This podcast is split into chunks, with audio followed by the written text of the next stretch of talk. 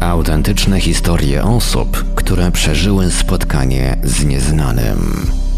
Zacząłem widzieć różne światła, różnokolorowe, w grupach po 2, 3 x teraz w sporej odległości wydawały się być ode mnie. Zagadkowe obiekty. strasznie intensywne, potężne niebieskie światło. To się wydawało tak, jakby to było nad chmurami było jakieś ognisko tego światła, które przebijało się przez.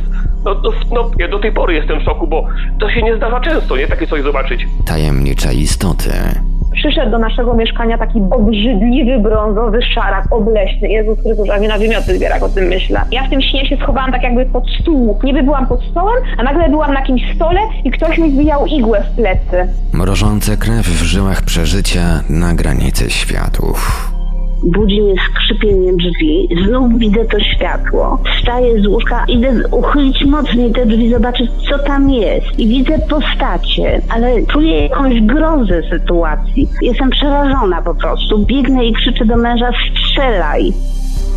Mówią świadkowie w Radiu Paranormalium. W Radiu Paranormalium rozpoczynamy 12 już odcinek audycji Mówią Świadkowie, czyli podcastu, który w całości poświęcony jest na zaprezentowanie i omówienie najciekawszych relacji ze spotkań z nieznanym, jakie docierają na naszą redakcyjną skrzynkę. Przy mikrofonie Marek Sękiewelios. Dobry wieczór Państwu. W dzisiejszym odcinku zaprezentuję drugą z rozmów, jakie odbyłem z jedną z naszych słuchaczek na początku listopada 2019 roku. Pierwsza rozmowa ukazała się na antenie Radia Paranormalium w poprzednim odcinku tego podcastu.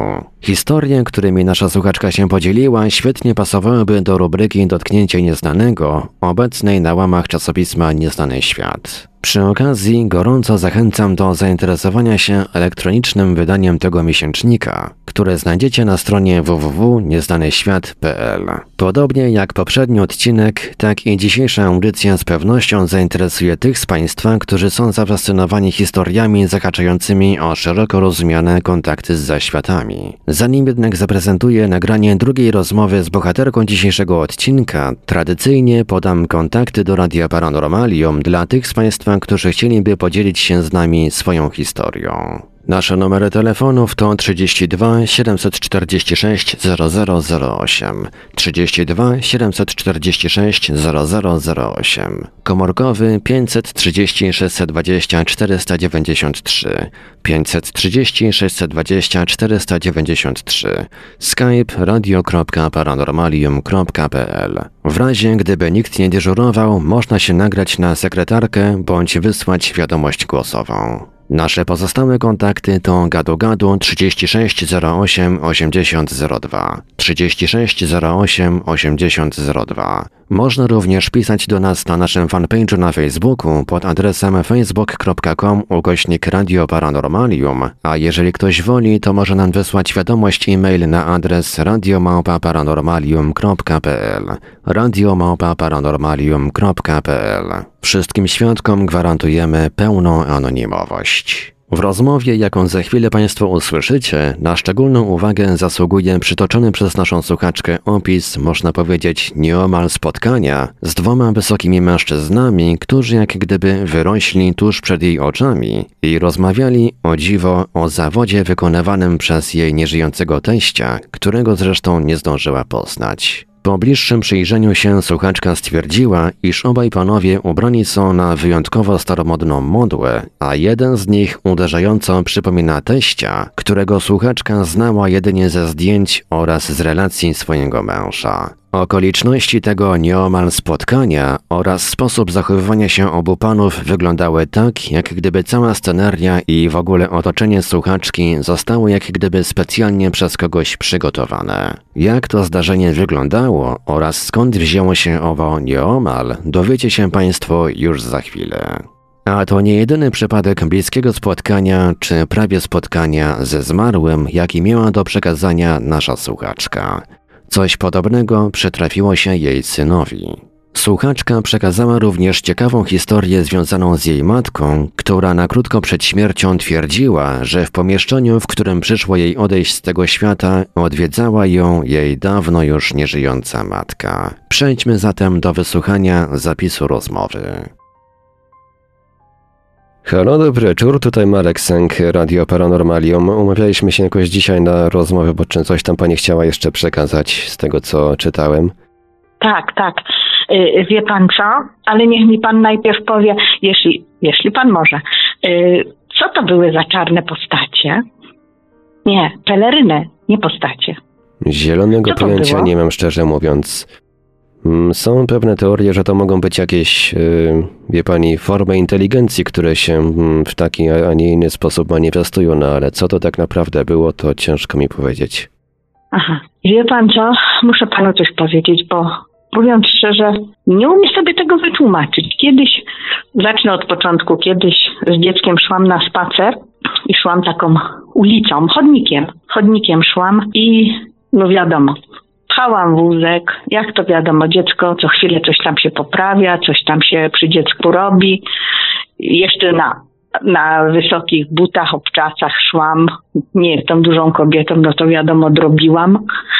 I ni stąd, ni zowąd, to znaczy się, schyliłam się i nie widziałam skąd, mówię, a, jeszcze nie powiedziałam najważniejszego. Akurat był taki moment, no to znaczy się to już było późne popołudnie, tam lato, wiadomo, siódma godzina, no to już jest, można powiedzieć, ulice były wtedy, w, tych, w tym czasie mniej więcej gdzieś tam dalej szli ludzie, ale przede mną i za mną nie było nikogo. I pamiętam, schyliłam się do dziecka i od razu patrzę, nawet nie widziałam skąd, dwóch mężczyzn wyszłam, a mój mąż był sierotą. I zawsze mi opowiadał o swoim ojcu, jaki był wspaniały i tak dalej, a ja zawsze mówiłam, Boże, jak ja bym chciała twojego ojca zobaczyć. Chociaż na chwilę, jakby żałuję, że go nie poznałam, żałuję i tak dalej, nie? Od razu patrzę, przede mną idzie dwóch, a, a jego ojciec był wysokim mężczyzną. Idzie dwóch wysokich mężczyzn, rozmawiają akurat o tej profesji, którą wykonywał jego ojciec. I tak dość, dość głośno, dość głośno rozmawiali e, o, o tym swoim zawodzie, coś tam, coś tam, o jeden drugiemu coś tam mówił, tam, no po prostu o, o, o zawodzie swoim, tam, to znaczy no, o rzeczach, które tam w danej chwili robili i tak dalej. No ja tak nie zwróciłam uwagi, no mówiąc szczerze, nie interesowało mnie to, bo sobie wózeczek pchałam, to, to była taka lekka górka. To znaczy się, no nie to, że gdzieś tam pod górę, tylko no taki chodnik szedł tak lekko pod górkę. No i mówiąc szczerze, ja drobiłam, no bo zmęczona byłam, wiadomo jak to się wózek pcha. Nie- Nieduża i mała, drobna osoba. No i tak co chwilę, i tak w pewnym momencie zaczęłam ich słuchać, o czym oni mówią, bo, bo byli dwa, trzy kroki przede mną. I, i to i mnie zaskoczyło to, że to było dwóch rosłych mężczyzn, wysokich. I oni sobie szli takim równym krokiem, a ja nie biegłam przecież, ani nie szłam szybko, no bo to wiadomo, sobie z dzieckiem z spacerku wracałam. I oni byli ciągle przede mną, mimo że cały szli czas, takim... cały czas utrzymywali taką samą odległość od pani? Tak, tak. Takim, ja szłam sobie drobniutko, wiadomo, moje dwa kroki, a je, ich jeden, a oni byli cały czas przede mną. Ja tak w pewnym momencie się zastanawiałam, jak to możliwe. Przecież oni mają większe nogi, idą sobie takim równym krokiem, nie to, że szli po spacerku, takim równym krokiem sobie szli. Byli bardzo za, zaeforowani swoją rozmową. I ja tak jeszcze co, co jakiś czas, a to coś dziecku poprawiłam, a to zatrzymałam wózek, a to coś tam, coś tam. Wiadomo, jak to przy małym dziecku grzebie się we wózku. I oni mimo wszystko byli cały czas przede mną. Cały I czas w w takiej samej odległości. Tak, i to powiem panu, nieduża to była odległość, ja wiem, no może trzech metrów, na pewno nie więcej. Może nawet dwóch i pół metra. No nie była, no dosłownie przed wózkiem mi szli. I ja tak w pewnym momencie byłam zaskoczona. Mówię, jak oni idą i ciągle są przede mną, mimo że ja się co jakiś czas zatrzymuję, mimo że ja tam co jakiś czas poprawiam to dziecko. No dobra, to mnie jeszcze tamtego. Tak zaczęłam ich obserwować i powiem panu szczerze, spojrzałam na ich ubiór i byłam zaskoczona, bo to były ubrania nie, nie na czasie, można powiedzieć. Spodnie były skrojone no ileś tam lat wcześniej, bo, bo krój, bo mankiety, bo, bo nie ten, no wiadomo, inne były kroje wtedy. Spojrzałam tak, widziałam tak, tak jak szli, to tak zobaczyłam taki kołnierzyk mały, krótki, wtedy były takie szerokie kołnierzyki przy koszulach, elegancko ubrani mężczyźni, nie powiem. Jeszcze prochowiec miał na sobie, ja mówię, je, jaki tak sobie myślałam, mówię, ale ten prochowiec stary, tak jak dzisiaj można by powiedzieć z lumpeksu, jakiś wykopany gdzieś tam ze szach, ale byli bardzo eleganccy. No i A mniejsza. to byli tacy to jeszcze- mężczyźni, że tak zapytam, z krwi i kości, czy może było coś w nich takiego nietypowego? Nie, nie, normalni faceci, Mhm. normalni mężczyźni z krwi i kości, tylko że ten ubiór tak mnie zas- zastanowił, mówię, takie wąskie mankiety, tak popatrzyłam, mówię, przecież to było modne kiedyś, no kit, mówię. I powiem panu szczerze, że jeszcze to mnie nie zdziwiło, ale dojeżdżałam do y, ulicy, akurat była rondo, krzyżówka, szeroka, szerokie, wiadomo, przed rondem to ta ulica jest taka szeroka, z jednej strony chyba były, był jeden pas, czy tam nawet dwa, ale z drugiej i była wysepka na środku i, i dwa pasy do przejścia. I to tak było naokoło tego ronda, nie? I powiem panu, że po jednej stronie były bloki, ale w tych blokach były y, sklepy na dole, także to wszystko już było pozamykane, wiadomo, po szóstej, gdzieś koło siódmej godziny, ale lato, gorąco, widno, przecież to był chyba lipiec, czy może sierpień, widniutko. Jeszcze z dzieckiem mówię, sobie pomału wrócę do domu ze spaceru i akurat tak spojrzałam, to akurat na rondzie nie było samochodów, bo to, to było wiadomo tam 30 czy ileś lat temu, bo do tej pory się powiem panu zastanawiam cały czas, jak to było możliwe.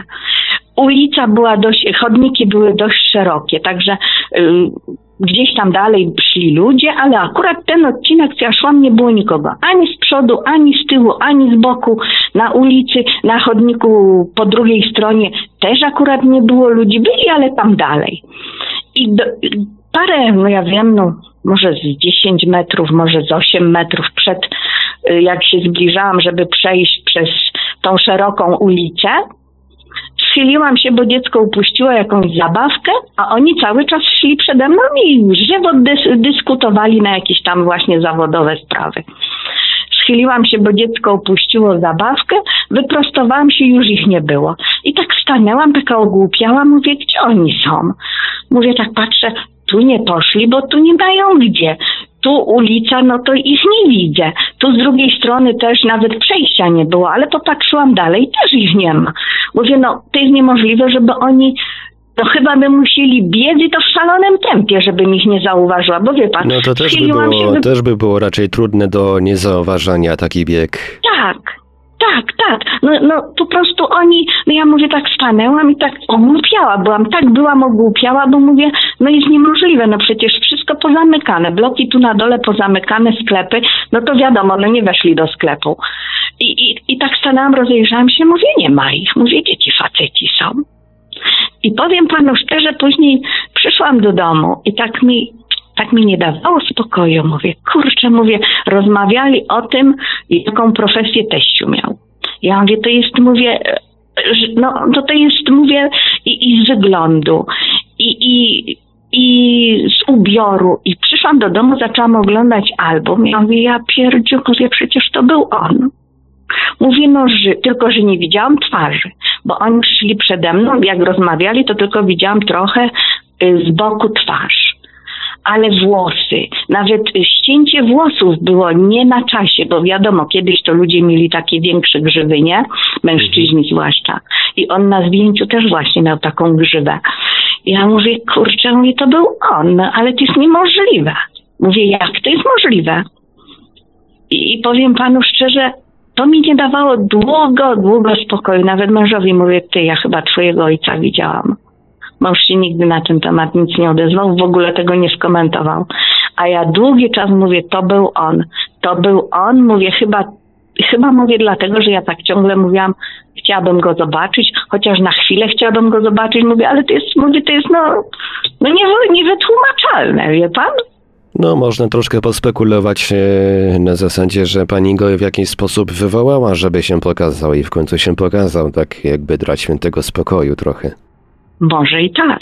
No, Ale może mówię być. panu, jak żywy. Jak żywy, normalnie jak żywy. No to jak, nawet powiem panu szczerze, że nawet miałam wtedy zawołać, po prostu powiedzieć, panowie zatrzymajcie się, mówię, czy pan się nazywa tak, albo jakoś go zahaczyć, żeby się obrócił, żeby z nim porozmawiać, ale powiem panu, że coś mi kurczę za, za plecami mówiło, nie rób tego. Nie wiem, może stchórzyłam. No ja jestem tchórzem. Może stchórzyłam, ale mówię panu ze zdjęcia, z ubioru, z figury, z postury, z koloru włosów. No, no ja mówię, no, no nie, i nawet gadka ta sama była o, o tym samym zawodzie i oni tak głośno rozmawiali, tak odniosłam wrażenie, ja nie lubię podsłuchiwać e, ludzkich rozmów, bo mówię, to mnie nie interesuje, nie? Ale No tak głośno tak. I ja, oni tak głośno mówili, jakbym, żebym ja to celowo usłyszała, o czym oni rozmawiają. I, Bo rozumiem, że oni panu- nie robili jakichś zamaszystych takich kroków, żeby, żeby po prostu te kroki były szerokie. Nic? Wie pan, facet prawie dwa metry, to nawet jakby chciał drobić, to i tak stawia kroki takie duże. No bo, no, No wiem coś po sobie, bo sam mam prawie dwa metry wzrostu. właśnie, to żeby iść wolno, to, to, to on musiałby naprawdę drobić. A oni sobie szli takim równym krokiem. Nie to, że oni drobili, że oni się ciągnęli, tam wie pan, y, szli sobie pomalutku. Oni sobie nie szli marszem, ale takim takim równym krokiem. To nie był taki szybki marsz, taki równy, jak to mężczyzna idzie powiedzmy z pracy do domu, takim równym krokiem szli. Ja byłam zaskoczona, mówię, ja, ja to długi czas analizowałam, mówię, przyszłam do domu, y, przyszłam do domu i tak sobie myślałam, mówię, ja się zatrzymywałam, ja poprawiałam dziecko, y, ona tam co chwilę mi coś tam upuszczała, ja się schylałam, a oni mimo wszystko powinni się oddalić. No na e, ludzki rozum oni powinni być przynajmniej 5 metrów, czy tam 2 metry, 3 metry, 4 metry, powinni się oddalać, a oni byli cały czas przed wózkiem. Zaznaczam, że ja pchałam wózek na obcasach. No i, i, i to ja jestem mała, drobna, szczupła wtedy byłam, także no, siłą rzeczy musiałabym chyba za nimi, za facetem, który idzie takim równym krokiem, to chyba bym musiała naprawdę nieźle naginać, nie? No ja sobie tak szłam pomalutku, pchałam wózeczek, bo mi się nie spieszyło, było ciepło, dziecko sobie się tam leżało w tym, czy tam siedziało, już nie pamiętam. I, i, I powiem panu, do tej pory mówię, co to było, jak to wytłumaczyć, jak to, czym to ugryźć. Nie mam bladego pojęcia. A mam takie pytanie, czy zauważyła Pani coś nietypowego w najbliższej okolicy, powiedzmy w promieniu 20-30 metrów, oprócz oczywiście tej, tego totalnego braku żywej duszy? To znaczy, co pan ma na myśli? No na przykład e, coś takiego, że na przykład e, w naj, najbliższe otoczenie jakby zamiera, nic się nie dzieje, nie słychać żadnych odgłosów. Nie, nie. Nigdy Czyli wszystko nie było tak, tak jak normalnie, poza, poza obecnością tych dwóch panów. A nie, nie, nie, nie, nie. To, to tak, nie, to wtedy było wszystko normalnie. Powiem panu szczerze, że nawet nie zwróciłam uwagi, ale widziałam, ludzie chodzili tam dalej, oczywiście tam po drugiej stronie ulicy, gdzieś tam, bo tam był akurat y, taki mm, skwerek, można powiedzieć, tylko ławeczki i trawka, takie coś było, nie? To tam też widziałam się ludzie kręcili. Samochody gdzieś tam dalej, ale to dalej tam widziałam przejeżdżały. No akurat koło mnie się nic nie działo. Nic, mówię panu, ani, ani żywego ducha nie było. Po prostu nikt nie przechodził, nawet samochody w tym momencie nie przejeżdżały. Mimo, że to była duża krzyżówka, to znaczy jest do tej pory, nie? Duża krzyżówka i tam jest przy, tej krzyżów, przy tej krzyżówce wiadomo jakieś tam pasy, tam trzy czy cztery, na środku wysepka, żeby y, się zatrzymać, przejść na drugą stronę. Także naprawdę duża krzyżówka była, dla pieszych oczywiście, nie? Y, Pa, y, wysepka była taka, żeby się zatrzymać. Także ja, ja wtedy to byłam naprawdę zszokowana. Ja, ja szłam do domu dosłownie i byłam nieprzytomna. Mówię, jak to możliwe? No przecież to jest niemożliwe. No, siłą rzeczy mężczyzna stawia duże kroki, a oni byli ciągle przede mną. Ja mówię, żebym, nie wiem, no, żeby ktoś był jeszcze oprócz tego dziecka albo coś, no to by potwierdził, no ale no akurat szłam sama. Tak, to troszeczkę brzmi, jakby cała sceneria została specjalnie tam e, przygotowana wcześniej pod e, zobaczenie przez panią tych dwóch panów. Nie odnosi pani takiego wrażenia?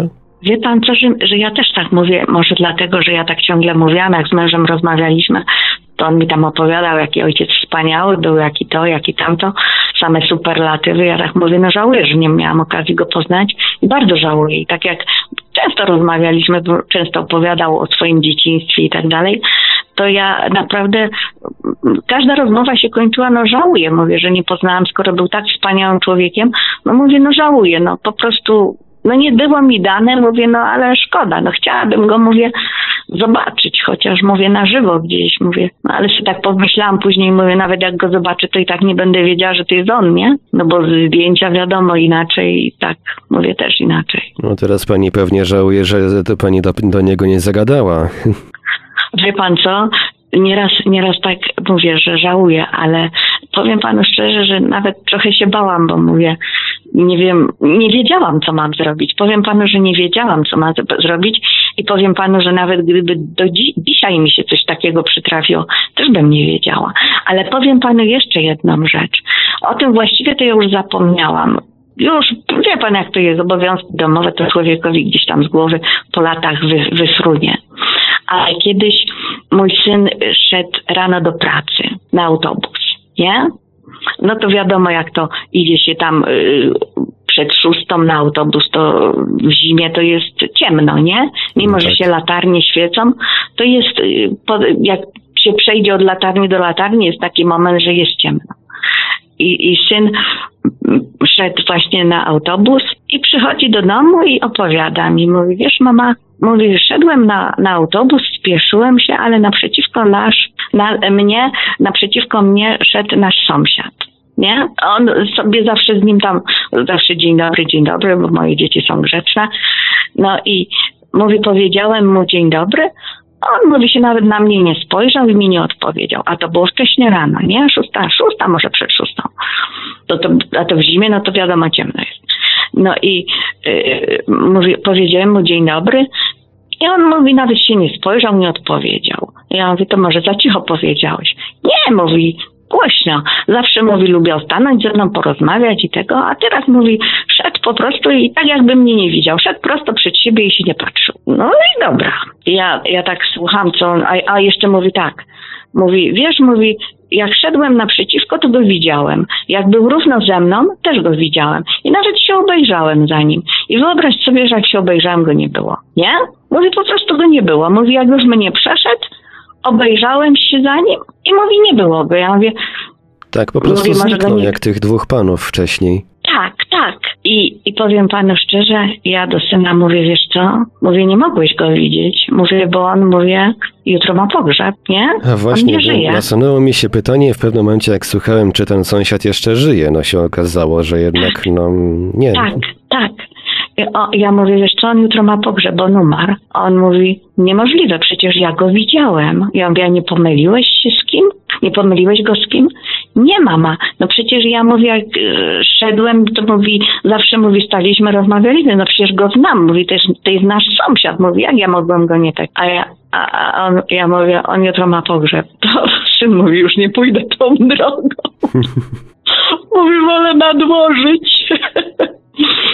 No, E, Mam takie- jeszcze pytanie do, e, mm, dotyczące teścia. Czy on się, on się jakoś pani ukazywał później jeszcze, bądź wcześniej, na przykład w snach, czy w jakichś innych okolicznościach? Tak, śnił mi się. Śnił mi się, ale to były tak głupie sny, że powiem panu szczerze, śniło mi się, że przyszedł do nas do domu. Ja wiedziałam, że on już wtedy nie żyje. Przyszedł i ja tak popatrzyłam, usiadł, ja mówię, mówię, niech tatuś usiądzie, mimo że go nie znam, ale wiedziałam, że to jest teściu. Ja mówię, niech tatuś usiądzie, mówię, zrobię herbaty i tak popatrzyłam na niego, mówię, Boże, jaki tatuś ma brudne, mar, brudną marynarkę, nie? Ja mówię, niech tata ją zdejmie, to ja ją wypiorę. I pamiętam, on zdjął tą marynarkę, ona była taka usypana ziemią, czymś. I ja pamiętam, wzięłam miskę i tak w miskę piorę tą marynarkę. A on tak siedział, e, nogę na nogę założył, takie długie nogi miał, no był wysokim mężczyzną. Tak popatrzyłam, mówię, Boże, jakie ty masz koleś, sobie myślę, wielkie stopy, buty takie wielkie. Tak sobie pomyślałam wtedy. I on tak sobie jedną rękę oparł na stole, drugą niby chciał tą filiżankę z tą herbatą. I ja tak patrzę, a ręka mu odpadła. Powiem panu szczerze, że chyba się w tym momencie obudziłam. No, raczej przerażająca wizja no, w pewnym aspekcie. No mówię, że ten syn to, to był głupi. Także mi się tylko raz śnił. Więcej mi się nie śnił, więcej, więcej nie miałam żadnych spotkań, co podejrzewałam, że to był on. Może, ale powiem panu, że ja długi czas patrzyłam, wszystkie zdjęcia w albumie oglądałam, przeglądałam. Mówię, tak, to był on. Mówię, nawet, mówię, miał ten prochowiec, nawet te spodnie z tym mankietem. Mówię, kołnierzyk taki sam, no bo ze zdjęcia tylko mogłam porównać, nie? Mówię, no to był on. Mówię, to włosy tak ścięte, bo on miał proste włosy. Ja mówię, tak samo ścięte włosy. Mówię, tą grzywę taką miał, tą czuprynę. Mówię, no, mówię, nie ma, nie ma siły. I mówię, jeszcze to, że on rozmawiał właśnie z tym znajomym o swoim fachu. Ale jeszcze panu powiem, ten znajomy, który z nim szedł, to on też nie żył. Mąż mówił, że on zaraz umarł po teściu. I mówi, oni byli, mówi, jak bracia bliźni- bliźniacy. Mówi, też był wysoki, też miał taki kolor włosów jak on. Mówi, i mówi, też był taki sz- szczupły mężczyzna, no bo to był młody człowiek, umarł. Jeden i drugi zresztą. To mówi, ja tak popatrzyłam na nich, mówię, Boże, wszystko się zgadza. I też pracował z nim razem, nie? Dlatego oni szli rozmawiali y, o tym swoim fachu, o tym swoim zajęciu, nie? No tak to brzmi, jakby, jakby ich pani obu, obydwu spotkała w jakimś, w jakiś dziwny sposób, w jakichś dziwnych okolicznościach. Co to, Tak. nie wiem, co to, co to więcej mo, mogę dodać. Tak mi się nasunęło na myśl takie przekazy niektórych tam podróżników wychodzących poza ciało. Na przykład u Roberta Monroe, nie wiem, czy pani kojarzy takie nazwisko, można Tak, znaleźć. oczywiście. Tak, w pierwszej książce bodajże Podróże poza ciałem jest opis, jak on spotyka tam jakiegoś swojego przyjaciela. Po drugiej stronie i ten przyjaciel właśnie też w otoczeniu jakichś swoich kolegów stał. Chyba tam z, ze studiów czy z pracy też coś takiego. Także być pan, może, to- być może w jakiś sposób coś takiego się zadziało, że, że pani zauważyła mm, właśnie tego teścia z tym kolegą. Wie pan co? Ja tak pomyślałam, bo ja mówię, dlaczego on mi się pokazał z tym swoim y, współpracownikiem, ale tak mówię, tu chyba chodziło tylko o to, żebym, żebym ja słyszała ich rozmowę i jakby się upewniła, że to jest on, bo oni właśnie rozmawiali o swoim, y, tym, o swojej tej pracy, nie? Bo tak to w tłumie, czy tam, czy nawet jakby szedł, to ja bym mogła nie wiedzieć, że to jest on, ale pierwsze, co mnie uderzyło, to właśnie to znaczy pierwsze, no pierwsze to, że oni byli przed tym wózkiem i się nie oddalali, a, a na drugie to zwróciłam uwagę, że oni właśnie rozmawiają o tym zawodzie, co wykonywał teść, nie? I zaczęłam wtedy słuchać z zainteresowaniem, mówię, y, no o czym oni mówią, kto to jest i tak zaczęłam kojarzyć dopiero wtedy, nie? Bo tak to mogłabym nawet nie zwrócić uwagi, nie, nie zauważyć, nie skojarzyć, nie? No tak, no tutaj nie mam, nie mam jakichś pytań do tej e, relacji. Ja tylko powiem pani, że na moment przed tym, zanim do pani zadzwoniłem, no, komputer, na którym rejestruję rozmowy ze świadkami czy tam słuchaczami, no zawiesił się. Dawno mi Aha. się coś takiego nie zrobiło. Nie wiem, czy to jakiś omen, czy co, ale mm, ciekawa, O. ciekawa rzecz. Troszkę upierdliwa, ale ciekawa. Akurat przed, y, y, jak już miałem wykręcić do pani numer te, telefonu, to po prostu przestał reagować. A widzi pan, to może coś jest, ale wie pan co, ja panu coś powiem, tak, y, bo pan tamtą poprzednią rozmowę moją odsłuchał, nie? I wie pan co, ja tak nieraz, y, tak nieraz myślę, no bo dużo słucham właśnie, ja zaczęłam się tym, dopiero zaczęłam się tym interesować, tymi wszystkimi tam, y, y, tymi waszymi audycjami i tam w ogóle innymi i te, to, to poza ciałem, to, to, to wszystko, to życie po życiu i tak dalej. Ja się przedtem tym w ogóle nie interesowałam, bo mnie no, jakoś tak nie miałam powodu się tym interesować. Ale powiem panu szczerze, że teraz tak niektóre rzeczy ja mówię, Boże, oni chyba wiedzą, co się tu u nas dzieje. Jak pan Wie myśli? Pani też mam, też mam pewne takie doświadczenia i osoby z najbliższej rodziny również mają doświadczenia, że no rzeczywiście coś w tym może być. Bo tutaj na przykład Mhm. miałem taki przypadek, że em, osoby bliskie tutaj z rodziny rozmawiają o, o tym, co się działo e, krótko po śmierci wujka naszego. I akurat Mhm. w tym momencie jakoś tak dziwnie się złożyło, że jakaś taka teczka z papierami od wujka wylądowała na środku pokoju. A, No, zresztą nie tylko osoby z rodziny ym, jakby nam tutaj towarzyszą jeszcze po, po odejściu, bo na przykład y, ja dosyć dużo medytuję, tam czasami zdarza mi się odprowadzać y, jakichś zmarłych, znajomych, przedwcześnie zmarłych. Em, zwykle są to osoby, które zmarły dosyć nagle, na przykład w wyniku zawału serca bądź wypadku jakiegoś komunikacyjnego. I właśnie taka moja przyjaciółka, którą odprowadziłem, zmarła niestety w wieku 18 lat. E, Z, od, od momentu właśnie, kiedy od momentu tego odprowadzenia Radio Paranormalium dosyć często było kiedyś atakowane przez hakerów i różnych innych tam e, rzezimieszków internetowych i od momentu, kiedy ją odprowadziłem do tego światła, każdy taki atak jest czymś poprze poprzedzony, bądź, e, bądź to jakimś snem z wątkami hakerskimi, bądź e, coś mi spadnie na głowę. Dwa razy mi się zdarzyło na przykład, że spadła mi na głowę taka wielka laurka urodzinowa, którą kiedyś dostałem po drogą pocztową. Normalnie nie powinno coś takiego się dziać, bo po prostu ta laurka leży na takim worku dosyć kleistym i trzeba dosyć dużej stosunkowo siły, żeby ją zepchnąć. No i, ale tak dwa razy się zdarzyło, że ta laurka mi po prostu spadła na łeb i co się okazywało? Do, albo następował jakiś atak na radio, Ktoś tam na przykład podmienił audycję w autopilocie i zamiast na przykład audycji tych takich e, debat niekontrolowanych leciały jakieś brzydkie rzeczy o papieżu, Janie Pawle II.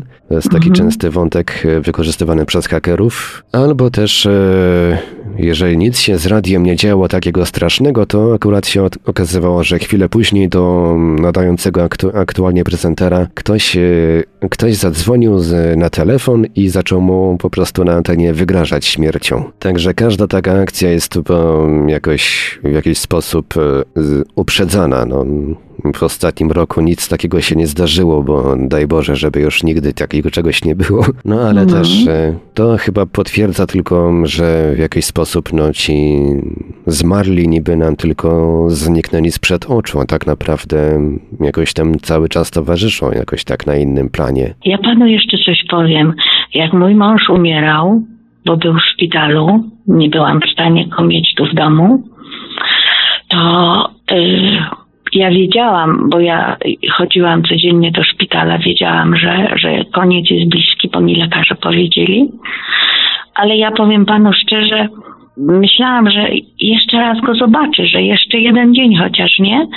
A że wszystko spadło na mnie, wszystkie obowiązki, wszystko po prostu ja i kłopoty w związku z tym i to przygnębienie i to ja po prostu jak się kładłam spać, to chyba zasypiałam jak kamień. I ja zawsze, jeśli ktoś miał stać przede mną, to na pewno nie byłam ja. To wszyscy mogli powstawać. Ja oczywiście zawsze po mężu się budziłam. Także raczej byłam śpiochem, a jeśli już się budziłam, no to szósta, siódma, nigdy nie wcześniej. Wcześniej to było dla mnie nie, nie, nie moja godzina po prostu, bo ja raczej tak późno chodziłam spać i tak troszkę przysypiałam do tej szóstej, to spałam na pewno. I w godzinę śmierci, niech pan uwierzy mi, obudziłam się w godzinę śmierci męża. I nawet pamiętam, obudziłam się, było wcześnie, dużo wcześniej przed szóstą. Ja mówię tak, matko kochana, co ja się tak wcześnie obudziłam? Mówię, nigdy to, to nie moja godzina, żeby się budzić. I tak leżę i mówię, Jezu, może coś z nim się stało. I pamiętam, zadzwoniłam do szpitala i się pytam, jak mój mąż, jeszcze nawet mówię, Boże, tam nie wiem, czy pielęgniarki odbiorą, czy lekarze, czy jak tam. Zadzwoniłam, a pielęgniarka mówi, właśnie miałam do pani dzwonić, mąż umarł. Dosłownie w godzinę śmierci. Ona mówi, przed chwilą mąż umarł. A ja nie byłam w stanie być przy mężu, chociaż wiedziałam, że jak będę, to mówię, ja dostanę histerii, oni mnie wyprowadzą chyba w kaftanie i faktycznie tak było, ja jak się dowiedziałam, to, No to, to ja był chyba horror. relacjonowałem niedawno w e, audycji, mówią świadkowie, jakiś taki podobny przypadek, że po prostu dziewczyna e, zgłosiła taki, taką historię. E, miała sen, jakąś taką wizję, w której spotkała jakieś dziwne istoty, które ją przed czymś pragnęły jakby prze, przekazać jej pewną taką wiadomość, bliżej nieokreśloną. No, a że stawiała opór, jakoś tak chyba się tych istot bała, to po jakimś czasie zamiast tych istot zobaczyła wizję, w której mm, wydarzył się wypadek. E, Przewróciła się bodajże ciężarówka z jakimś takim ciężkim ładunkiem i niestety kierowca ciężarówki zginął. No i się okazało, że jak się obudziła już dziewczyna, to wtedy, wtedy się okazało, że mniej więcej w tym czasie mm, ktoś tam bodajże chyba wujek e, zginął właśnie w takim wypadku. To wyśniło jej się. No to jest jedna z historii, po których, e, po których wysłuchaniu po pierwszym razie człowiek po prostu mm, w większości wypadków nie wie co powiedzieć. Tak. I jeszcze panu dokończę. Y, Przez długi czas, ale to chyba przez rok, może nawet przez dwa lata, nie pamiętam dokładnie. Dzień w dzień budziłam się w godzinę śmierci męża. Żebym nie wiem jak padła zmęczona, żebym nie wiem o której poszła spać, zawsze się budziłam o tej godzinie. A wtedy co mąż zmarł, to tak jakby mnie coś trąciło. Ja wtedy otworzyłam oczy i patrzę na zegarek, mówię, czemu ja się tak obudziłam? I później dzień w dzień, mówię, panu nie było dnia, to już później po, po nie wiem, po roku czy po dwóch, mówię, jak się budziłam, mówię, pewnie znów ta, ta godzina. I tak było. Dokładnie ta godzina była na zegarze. No, można to spróbować wytłumaczyć tym, że e, organizm, że po prostu dla, dla umysłu to było tak e, na tyle doniosłe i traumatyczne przeżycie, strata męża, że no, e, jakoś tak organizm się zaprogramował na wstawanie akurat o takiej porze. ale ja nigdy nie wstawałam o tej godzinie. Tylko po prostu nie wiem, no tak, no może tak, może po prostu jakiś szok i się budziłam o tej godzinie, nie? I No, może, tak może, ta, może, może pani jakoś odebrała jakimś e, takim e, innym, że tak powiem, zmysłem informacją o śmierci męża i to jakoś tak mogło wpłynąć na panią że w, w ten sposób, że się pani budziła akurat o takiej godzinie. Może i tak. Teraz już to wróci. Teraz już to wróciło do normy, już jest porządku, już się nic nie dzieje. Ja to mówię, są rzeczy na niebie i ziemi, o których się filozofom nie śniło, nie? Dokładnie. Powiem panu szczerze, że nieraz tak, jak tam jakiś kłopot miałam czy coś, to mówię, Boże, nie poradzę sobie, coś tam, no, nie wyjdzie mi, nie umiem tego załatwić, nie potrafię. Po prostu, no mówiąc szczerze, bałam się życia, bo zostałam sama, to się bałam życia. Drobnostka wydawała się górą nie do pokonania nieraz. Ale powiem panu szczerze, że nieraz mi się, czy, czy mąż przyśnił, mówi dasz radę, nie bój się, będzie dobrze. Tak jak opowiadałam tam właśnie o tych psach, że y, ja sobie wyobrażam, no Bóg wie co, że, że już jest koniec, mówię, no nie poradzę sobie. A on właśnie wtedy, jeszcze pamiętam, byliśmy w domu, taki właśnie ten sen był, że byliśmy w domu, on wychodził, wyszedł przed dom, ja mówię, nie wychodź, bo te psy cię zjedzą, pogryzą, nie wychodź. A on mówi, nie bój się. Poszedł, siadł na środku przed domem i, i głaskał nawet te najbardziej groźne, które tam warczały, czy tam chodziły tak, żeby go tam, nie wiem, odnosiłam wrażenie tak nieufne. Ja mówię, pogryzą go, pogryzą go. On wyciągnął rękę, głaskał, mówi, widzisz, nie, nie zrobią ci nic, nie bój się. I, I właśnie nieraz miałam takie, takie, takie sny, takie, że, że uspokajają mnie, No to były sny dobrze, takie, takie bardzo realistyczne, tak? tak, tak, to były tak realne sny, że mówię panu, czułam się jakbym, jakbym tam była z nim. I wstałam i tak patrzyłam. On mówi, nie bój się. Ja widziałam każdy detal, ja widziałam każdy, nawet y, tak, taką y, na, na kieszonce w koszulce miał taki haft. Oryginalnie kupiona koszula z takim haftem. Ja tak patrzyłam, mówię, Boże, ja nawet ten haft widzę. Ja zapomniałam, że ta koszula miała ten haft. Po prostu widziałam wszystko wszystko widziałam tak realnie. Ja mówię, matko kochana, mówię, ja, ja, ja już zapomniałam o, o, tej, o tym ubraniu, czy o tamtym jakim tam. Po prostu byłam w szoku. To było bardzo, bardzo tak, jakbym na niego patrzyła, jakbym był tuż koło mnie. Nawet głos słyszałam jego. Ten sam głos, jaki miał. Bo jak do mnie na przykład przyszła kiedyś mama, to yy, w pewnym momencie powiedziała mi, że mam już nie płakać. I spadła szyba. Ona, y, po prostu ja już nie słyszałam. Tak jakby spadła szyba, jakby nas oddzieliła. I ona mówiła, a ja już jej nie słyszałam. No to chyba pani Ja nawet tak- opowiadała podczas naszej poprzedniej rozmowy. Tak, Tak, tak. Ona mówiła, ja już jej nie słyszałam i, i mu, tylko jej powiedziałam, mówię, wiesz, że mąż nie żyje. Ona się spojrzała tak w bok, ja patrzę, on tu stoi. I mówię, Jezus Maria, to on jest, on słuchał tej rozmowy, on był przy tym. Aż mnie, mówię panu, aż ja mówię, Boże, jakie ja mam sny głupie. No ale widocznie, ja mówię, i dlatego mówię, oni po tej, po tej, że mama mi tak powiedziała, już, już dosyć, nie płacz, to po tym wiem, że tak myślę, że oni chyba wiedzą, co się tu dzieje. No, niewą- niewątpliwie, przynajmniej w przypadku części, części z nas, no, z znajomi, przyjaciele i bliscy, którzy już odeszli, cały czas nam towarzyszą. Można takie przynajmniej odejść wrażenie, słuchając tego typu historii. Albo, albo przynajmniej przez jakiś czas, bo później śnił mi się mąż, jak widziałam, jak odchodził. Szedł, obejrzał się, szedł, uśmiechał się, widział mnie, bo ja akurat byłam wtedy, pamiętam, w oknie i tak wyjrzałam, patrzę, a on idzie i odchodzi. Ja tak stanęłam, pomyślałam, mówię, Boże, to on już mnie zostawia, chyba już idzie.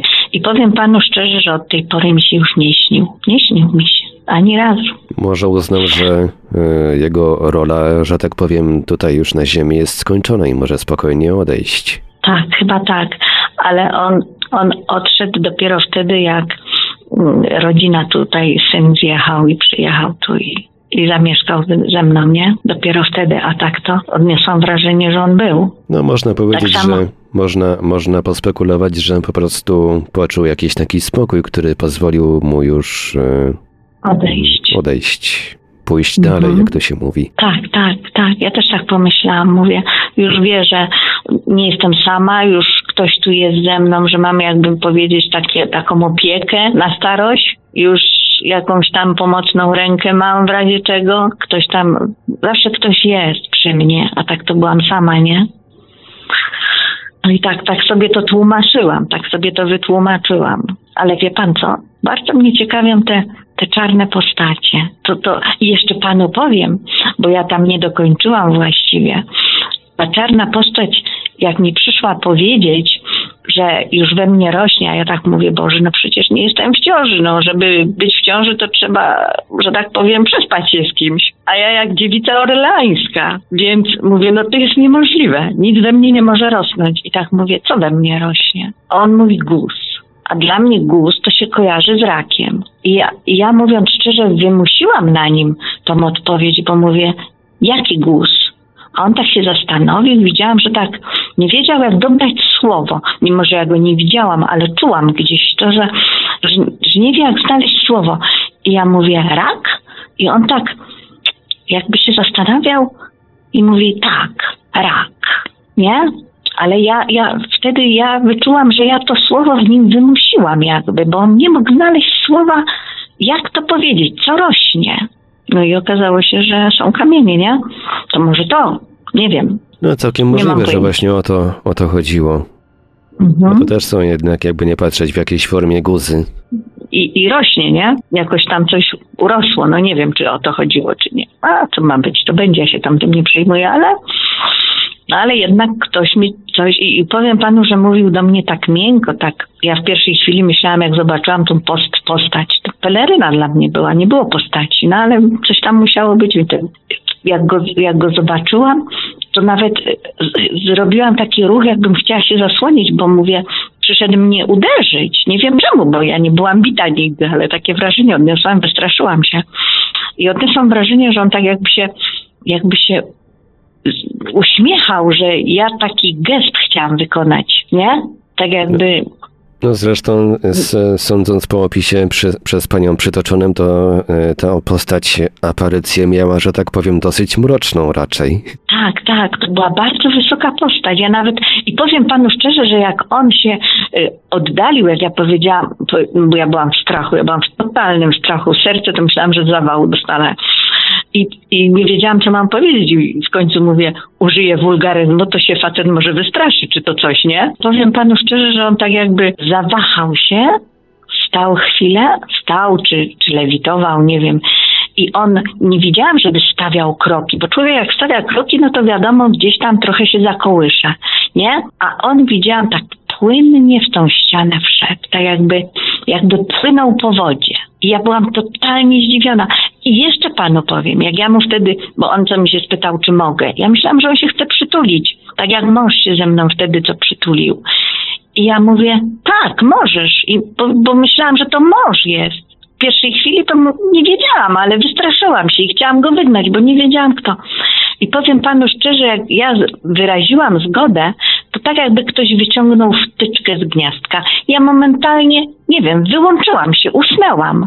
Po prostu tak jakbym straciła przytomność. To było, to było dla mnie strasznie dziwne. No i potem się obudziłam w trakcie, nie? To było szok, to był szok, ale jeszcze wtedy myślałam, że, że, że to mi się śni, że to jest mąż, że chciałam go objąć i powiem panu szczerze, nie było nic.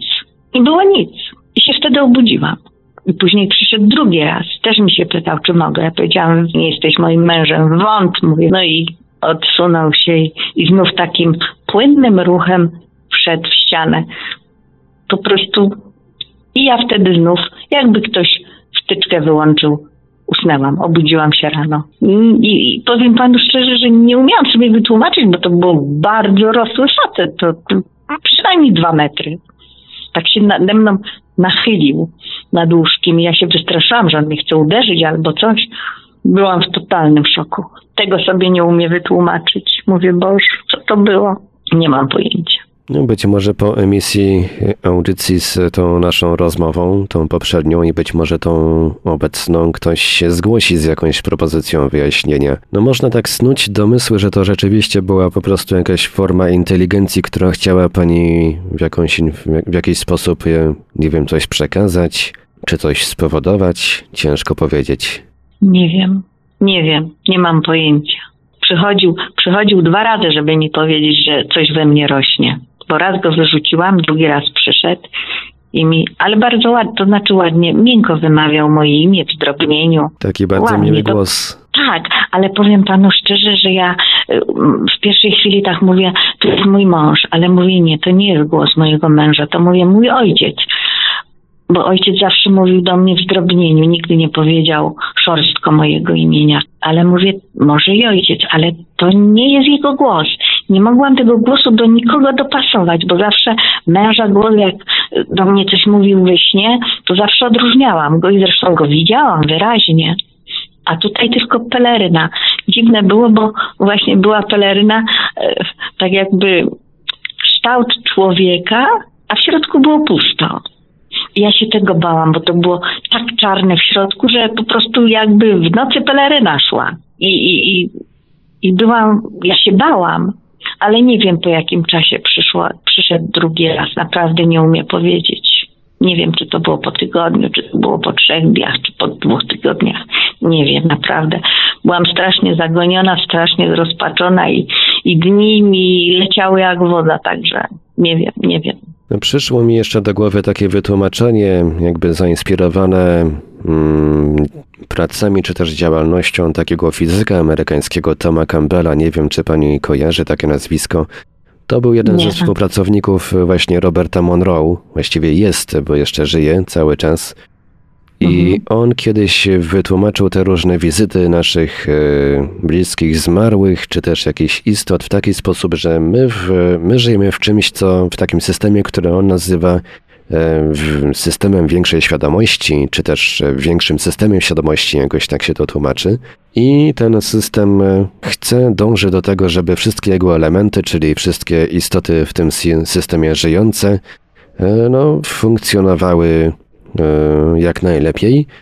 I jeżeli, jeżeli dana jednostka, na przykład e, człowiek przeżywa mm, bardzo intensywnie e, żałobę po śmierci jakiejś bliskiej osoby, to po prostu ten system z takiej bazy jakby informacji o zmarłych pobiera informacje, jak ten zmarły wyglądał, jaki miał głos i tak dalej, i tak dalej, jakie miał poglądy i jakby ubiera się w tego zmarłego i za pośrednictwem tego, tego zmarłego, tego ubrania, tej esencji jakby przekazuje nam pewne przydatne nam in, informacje. No a tylko tak, tak jak mówię, to jest też w dużej części taka spekulacja. Trochę po części, duże, w dużej części oparte o obserwacje, które Tom Campbell też e, poczynił podczas tych swoich podróży poza ciałem, no ale to jest też taka trudna, trudne, do, trudne w ogóle do zweryfikowania, dla nas przynajmniej, więc też to tak w charakterze takiej spekulacji można potraktować. Hmm, Może i tak, może i coś tak jest. Nie wiadomo, nie wiadomo jak to rozgryźć. Kolejna Chociaż powiem, zagadka. pan, mhm. Chociaż powiem panu szczerze, że tego typu rozmowy dużo ludzi opowiada, bo, bo moja babcia, pamiętam jak dziadek umarł, to też zawsze mówiła, że y, przychodził do niej i mówi, słyszała jak przychodzi.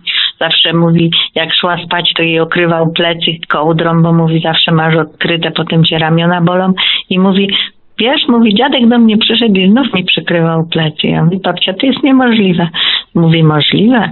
Słyszałam, jak otwierał drzwi, jak wchodził, przykrył plecy i poszedł. Ja mówię, babcia, śniło ci się? Nie, nie, mówi, nie śniło mi się. I powiem panu jeszcze coś. Moja mama umierała bardzo przytomnie. Bardzo. Była do końca przytomna, do końca świadoma, do końca wiedziała wszystko, co się dzieje, wszystko pamiętała. Nie mogę powiedzieć, że tam miała jakieś omamy czy tam coś, bo ja z nią dużo rozmawiałam, także naprawdę była świadoma wszystkiego. I kiedyś do niej pamiętam, wchodzę rano i ona, nie, przyjechałam, przepraszam, przyjechałam z pracy. Nie było mnie i wchodzę do, do, do mamy i mama mówi, wiesz co? Mówi, przed chwilą była tu moja mama. Ja mówię, mama, przecież wiesz, że babcia nie żyje. No wiem. Mówi, wiem, ale była. Ja mówię, no jak była, gdzie była? No mówi, jak ty weszłaś, to ona mówi, znikła. A tak to mówi, cały czas stała, mówi tu w drzwiach i się do mnie uśmiechała. Ja mówię, mama, przecież wiesz, że to jest nieprawda, przecież wiesz, że nie żyje. Wiem, to też mówi, nie mogę tego pojąć, jak to jest. Mówi, przyszła, mówi i dobrze wyglądała, mówi, była młodsza, mówi, ładnie była ubrana w tej swojej jakiejś tam sukience, w czymś tam, w czymś. I mówi, sta- ja mówię, co, co mówiła? Nic nie mówiła, tylko stała i się uśmiechała do mnie. No to jest też element często się pojawiający w relacjach osób, które przeżyły doświadczenie bliskiej śmierci. Mhm. To widywanie właśnie przyjaciół, bliskich, znajomych, którzy odeszli wcześniej. I to też, e, to jest też, e, często się też pojawia właśnie w, e, w wypowiedziach osób w stanie już no, agonalnym, że mm, w pewnym momencie widują swoich bliskich zmarłych, których oczywiście inni żyjący bliscy nie widzą. No i, po, Mhm. i też dosyć często to się, coś takiego się e, dzieje przed e, zgonem. Mhm. Ja powiem panu szczerze, że ja w to nie wierzyłam. Ja długi czas w to nie mogłam uwierzyć. Mówię, mm, pewnie miała jakieś majaki albo coś, bo przecież ona zada, jakoś, ja wiem, może parę dni, może tydzień maksimum po tym umarła. I ja mówię, to jest niemożliwe. Mówię, może coś jej się tam mm, pomyliło, zdawało. Nie to, że była nienormalna, po prostu mówię, coś jej się może śniło, zdawało, coś mówię, może chciała ją zobaczyć, nie wiem. Ale później, jak tak się nieraz rozmawiało z ludźmi, to właśnie ludzie mówili, że y, y, ci, co już umierali, czy tam byli bardzo chorzy przed śmiercią, właśnie mówili, że y, przychodzi tam z rodziny ktoś, czy coś, tam widzą różne rzeczy. I wtedy właśnie jak tak porozmawiałam z ludźmi, bo jeszcze wtedy nie słuchałam tych audycji, to właśnie wtedy uwierzyłam. No można, po, można e, spróbować to wytłumaczyć tym, że podświadomość tych ludzi jakoś tak wyciąga z głębokich czeluści pamięci wizerunki tych e, zmarłych bliskich. No tylko mm, ktoś by musiał zapytać umierających, e, czy myśleli w ogóle o tych, o tych osobach. Tak, to też prawda. Też tak mogło być. Też tak mogło być. No, no jedna wielka niewiadoma, nie? No tak. Ale, ale powiem panu szczerze, że długi czas, naprawdę długi czas myślałam, mówię, Boże, ja zwariowałam. Mówię, Pan Bóg mi odebrał rozum, chyba naprawdę mi się już pokicikało z żalu, mówię, może z przepracowania. Mówię, no mówię, dzieje się ze mną coś niedobrego. Ja już się w ogóle ni- praktycznie nikomu nic nie mówiłam, bo jak coś tam powiedziałam, to się ludzie na mnie patrzyli jak na półgłówka, więc mówię, nie ma co robić z siebie idioty bo mówię, w końcu powiedzą głupia i należy ją dużym kołem omijać. Ale jak zaczęłam słuchać tych waszych audycji, jak już miałam trochę czasu i, i tak zaczęłam szukać, aż całkiem przypadkowo mi wpadły w ręce, to powiem panu szczerze, mówię, nie, to się działo i to jest, to, to nie tylko mnie się działo. To znaczy się, że jestem całkowicie normalna. No, niektórym ludziom, co też, e, o czym też świadczą, świadczą rozmowy z niektórymi słuchaczami, tutaj ja, ja zarejestrowałem właśnie kilka takich e, osób, e, kilka historii od osób, które praktycznie całe życie różnych takich dziwnych zjawisk doświadczają. Wydaje się, że niektórzy są bardziej jakby otwarci na te zjawiska typu właśnie kontakty tam ze zmarłymi, jakieś widywanie obiektów UFO i tak dalej, i tak dalej, wychodzenie z ciała i tego typu rzeczy. I Mhm. tym osobom bardzo często się wydaje, że to jest całkiem coś e, normalnego, że inni ludzie też są na przykład w stanie wywołać u siebie mm, zjawisko wyjścia z ciała na zawołanie. No i często bardzo się dziwią, że, e, że jest wręcz odwrotnie, że tylko oni z grona najbliższych znajomych mają takie, takie zdolności. Mhm. Także mi Nie, się, mnie- mi, się ja- wydaje, mi się wydaje, że może być pani też w jakiś sposób bardziej otwarta na mm, doświadczenie tego typu rzeczy. Powiem panu szczerze, że to, co się działo, to, to ja byłam, ja, ja byłam tak zdziwiona, ja byłam tak zaskoczona tymi rzeczami, tak jak na przykład, co zaraz po śmierci mąż do mnie przyszedł, ja to mówię, że on przyszedł chyba się wtedy ze mną pożegnać, ale chyba wtedy on chyba przyszedł mi powiedzieć, że on jest przy mnie. To nie było chyba pożegnanie po, po śmierci, co spałam i, i, jakby po prostu tak mocna żarówka mi w oczy świeciła, że ja pamiętam, głową kręciłam na poduszce, żeby to światło mnie przestało razić. I w tym świetle zobaczyłam właśnie mojego męża.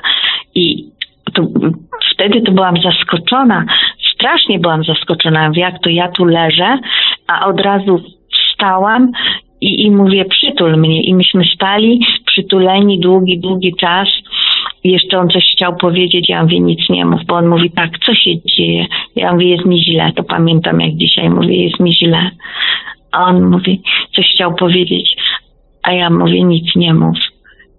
I nie pozwoliłam pamiętam i żałuję, że mu nie pozwoliłam nic powiedzieć. Mówię, nic nie mów, tylko mnie przytul.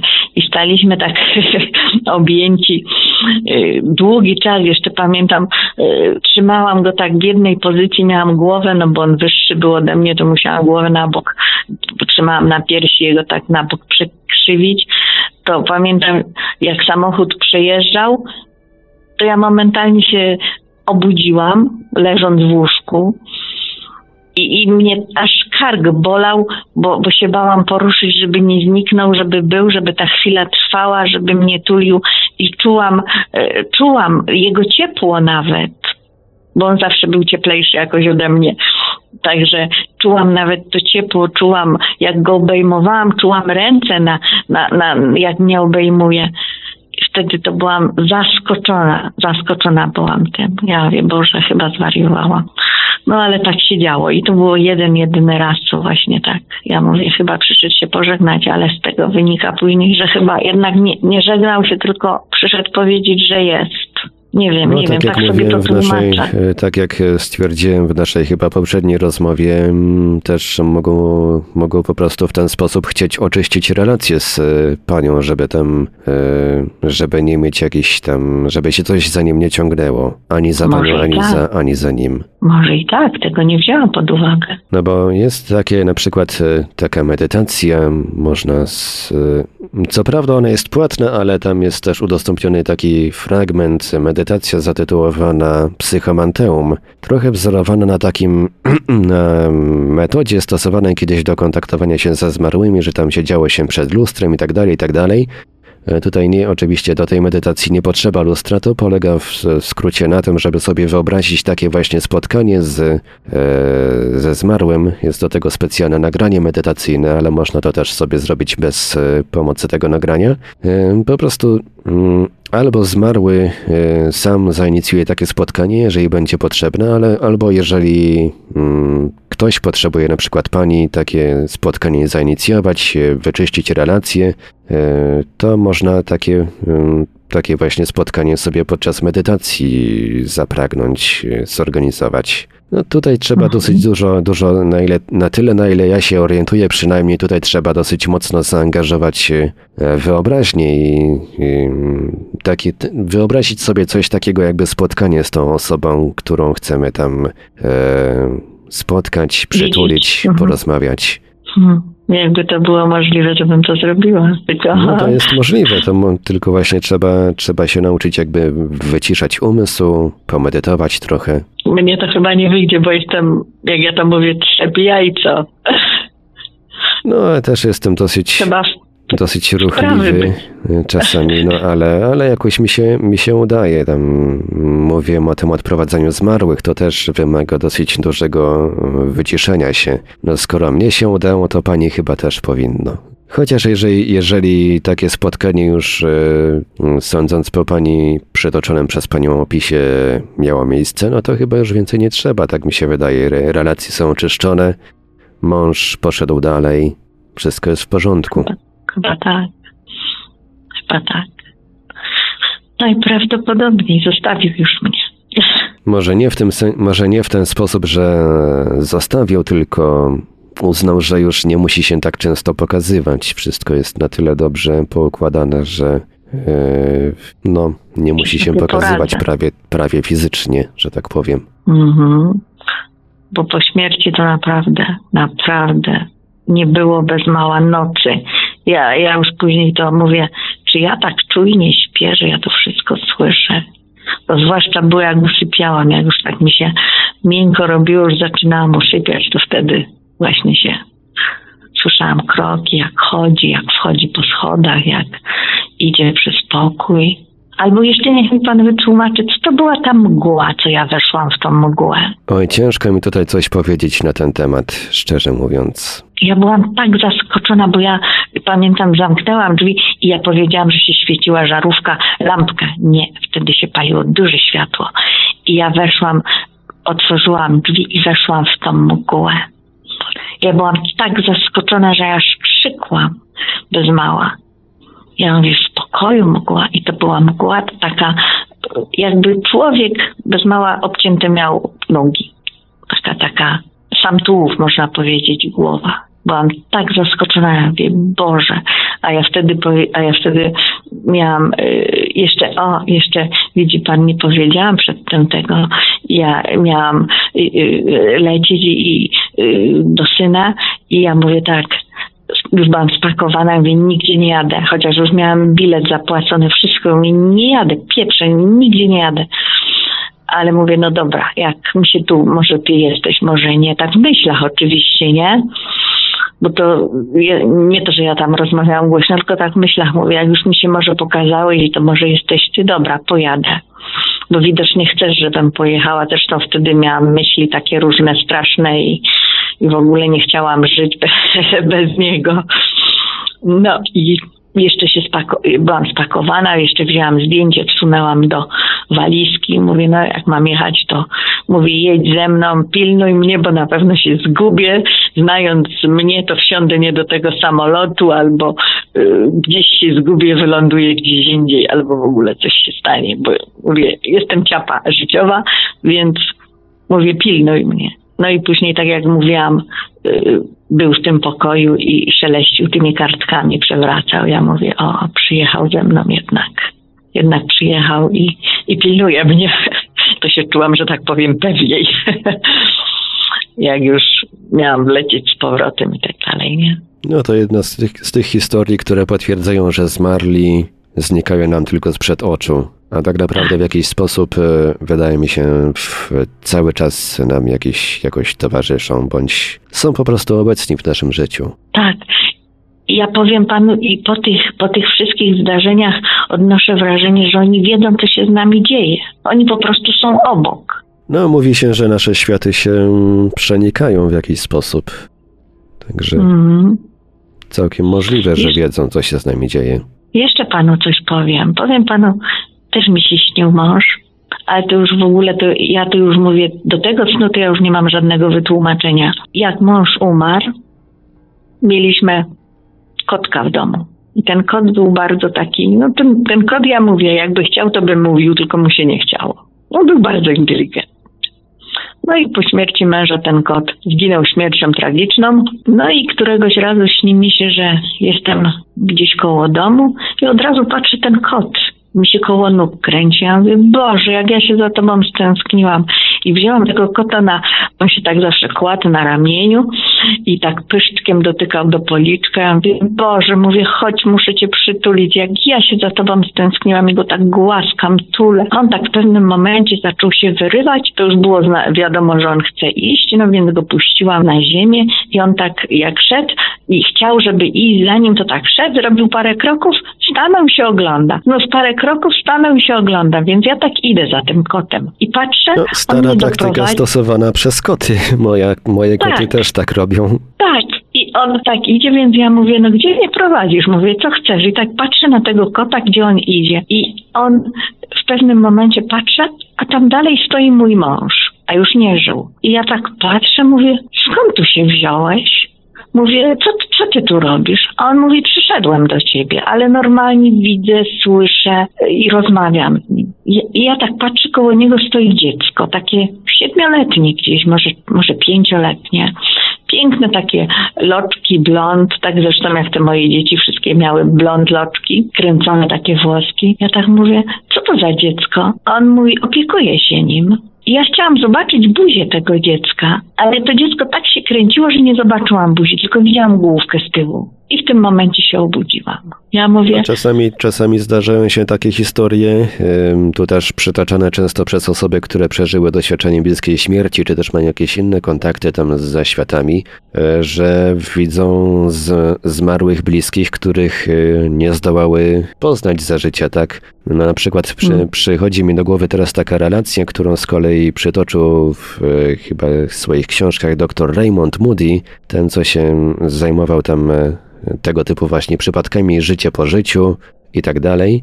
I przypominam sobie teraz przypadek jednej z jego pacjentek, która właśnie mm, opowiedziała taką historię, że mm, przeżyła doświadczenie bliskiej śmierci i tam pośród swoich bliskich zobaczyła takie małe dziecko, wyszedł taki jakby prawie niemowlak, e, takie dziecko, które się właśnie do, dopiero co nauczyło chodzić i mówi jej tak: Witaj, jestem twoim bratem.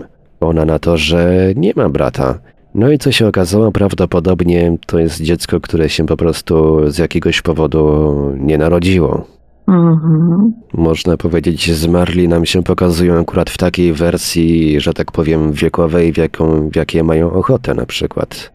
o, to też. Bo e, To właśnie to co, to, co mówiłem o tym Raymond, o tym e, Robercie Monroe, tam, że tam spotkał po drugiej stronie swojego jakiegoś przyjaciela, ten przyjaciel mu się wydał jakieś tak 20 lat młodszy. W, pewnym, w pierwszym momencie go nie rozpoznał, ale tak po dłuższym przyjrzeniu się stwierdził, że no to rzeczywiście mógł być on. Mhm.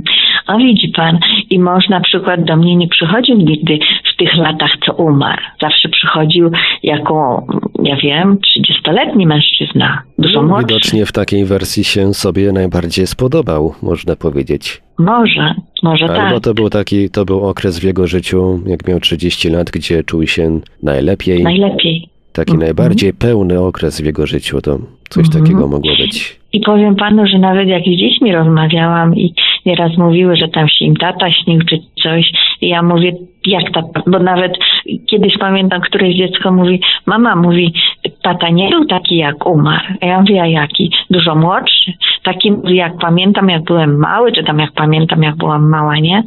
Mówi, tata był, mówi, młodym mężczyzną. Także nie tylko mnie się śnił właśnie młody. Także mówię, coś, coś jest. Zdecydowanie. No, kiedyś mi się śnił, że przyszedł, że powiem panu, mój mąż jest pochowany w niszy. Tak sobie życzę. I kiedyś mi się śni, że y, ni stąd, ni zowąd śpię i od razu się znalazłam w piwnicy bez okna. Ja mówię, i, i tak patrzę, świeci się lampka na takim malutkim stoliczku, y, świeczka znaczy się na, na takim malutkim stoliczku i nie ma nic, tylko jest stoliczek, taborek i on siedzi na tym taborecie w takim, w takiej jakby piwnicy, bez okna, bez drzwi. Ja mówię tak, Boże, co ty tu robisz? A on mówi, czekam na ciebie. Ja w tym momencie się obudziłam. Ja mówię, Boże. I tak nawet mówię, dlaczego on w piwnicy bez okna? Tak do mnie to nie docierało. Mówię, dlaczego w piwnicy? No przecież, mówię, jak, piwnica bez okna? Mówię, co to za piwnica? Mówię, taka ciemna, taka, mała, ciasna. Ja mówię, co on tam robił? Tak chyba z tydzień czasu myślałam, dlaczego w piwnicy, bez okna? Później mówi, Jezus, przecież on jest w niszy pochowany. To, to, to mnie to też zaskoczyło, wiem. Ale to mówię panu, ja z tydzień czasu myślałam, dlaczego w piwnicy bez okna, dlaczego w takiej małej, ciasnej, mówi tylko jedna lampeczka i nie ma światła, nie ma nic, a tam na stole stała, no taka świeczka po prostu, nie? W jakimś tam słoiczku czy w czymś. Jak on powiedział, czekam na ciebie, to normalnie fr, momentalnie się obudziłam. Taki, taki sen, ja mówię, głupi sen. No ale może i nie.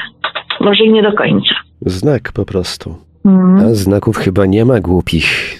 chyba nie. A jak umierał, to mówiłam, przyjdź po mnie. On mówi, nie przyjdę. Ja mówię, jak, jak przyjdzie na mnie pora, to przyjdź po mnie. Dobrze, przyjdę. Także jesteśmy umówieni. Można tak powiedzieć. No, e, odchodzenie z tego świata będzie pani miała e, zapewnione lajtowe, można tak to ująć w takim towarzystwie. Miejmy nadzieję. Miejmy nadzieję.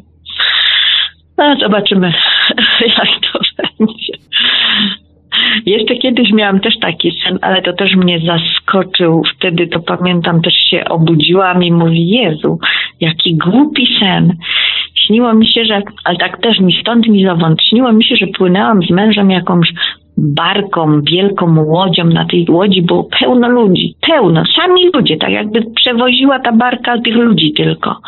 Taką rzeką gdzieś tam płynęliśmy. I w pewnym momencie ta łódka, ta, ta łódź, duża łódź, dobiła do brzegu i mąż mówi, no to chodź, wy- wychodzimy tu. Ja mówię, czemu tu? Chodź, tu już wysiadamy. I pamiętam, wysiedliśmy i, i trochę też tam parę osób wysiadło, ale reszta ludzi płynęła dalej tą łódką. I, i, I w pewnym momencie tak jakby wał był przy rzece i ta rzeka tak jakby w pewnym momencie wezbrała i ta woda się przelewała na drugą stronę tego wału i ja mówię, Boże, jak my tu przejdziemy? Mówię, patrz, tutaj woda płynie. On mówi, o chodź, mówi, tu po tych kamieniach.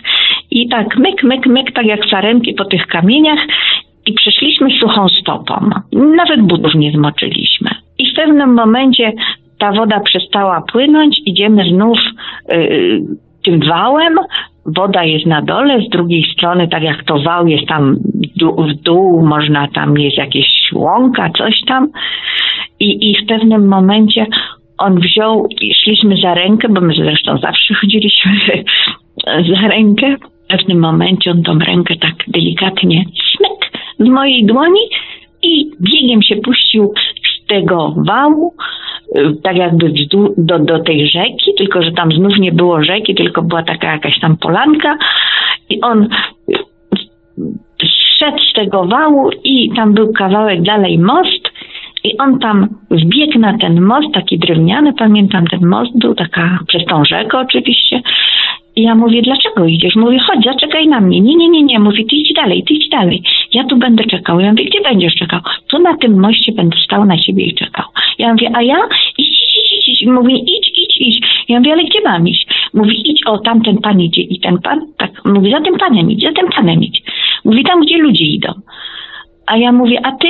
Ja tu będę czekał na ciebie. I on, i on stanął na tym moście i stoi, a ja tak kawałek miałam jeszcze iść i tak zbiegłam z drugiej strony, tak jakby nie do tej rzeki, tylko na tą łąkę i tak idę przez tą łąkę, tam widzę, ludzie idą i tak jakby nasyp, taka wysoka góra była ziemi usypana. Ja mówię, Boże, jak ja się na tą górę wdrapię, ale widzę, taki mężczyzna przede mną tam się wspina i tak myk, myk, myk, myk, myk i wszedł na tą górę. Ja mówię, on dał radę, to ja też dam radę. I tak się wdrapuję na tą górę, zanim ten piach mi się tak osuwa spod nóg. Nie mogę się wdrapać, nie było się czego złapać i tak jakoś tam się wgramoiłam na tą górę. I stanęłam już tak równo z tym mostem, tylko że most był dalej, ja byłam jeszcze tam tutaj z drugiej strony i mówię, no już weszłam. A on mówi, no to teraz mówi, idź pomału, a ja tu będę na ciebie czekał. I się obudziłam. I ja mówię, Boże, całe nasze życie bez mała.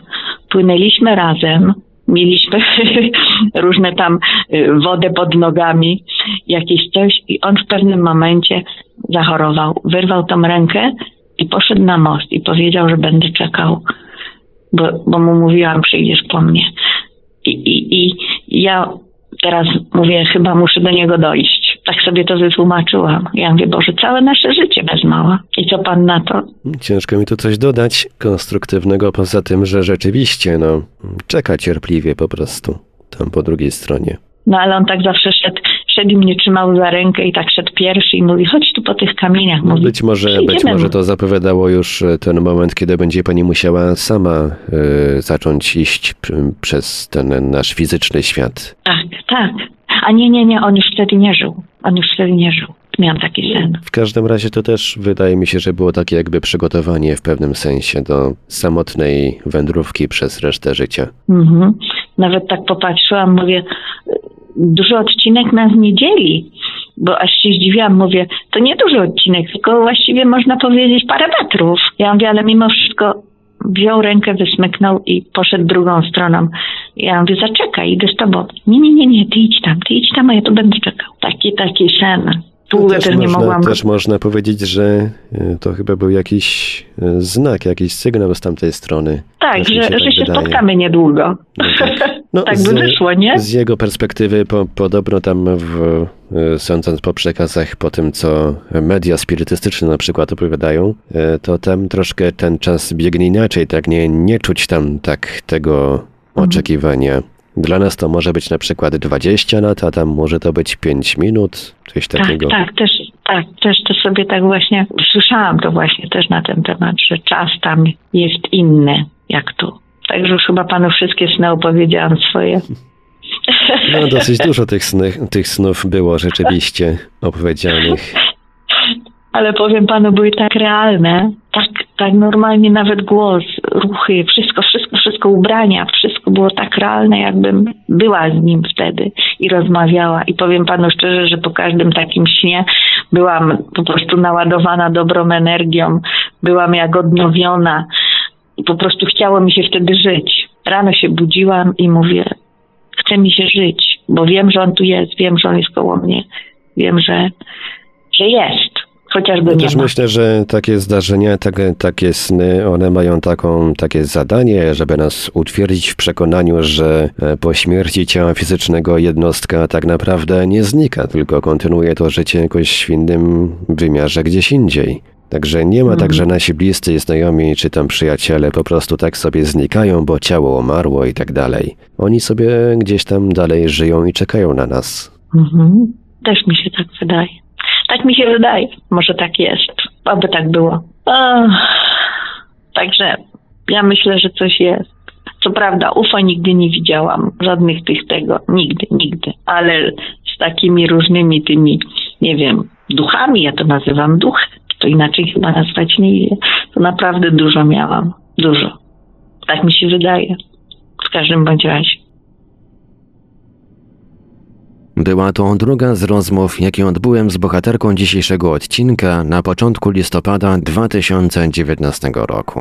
Jeżeli macie Państwo za sobą podobne przeżycia i chcielibyście o nich opowiedzieć, gorąco zachęcam do podzielenia się nimi z Radiem Paranormalium.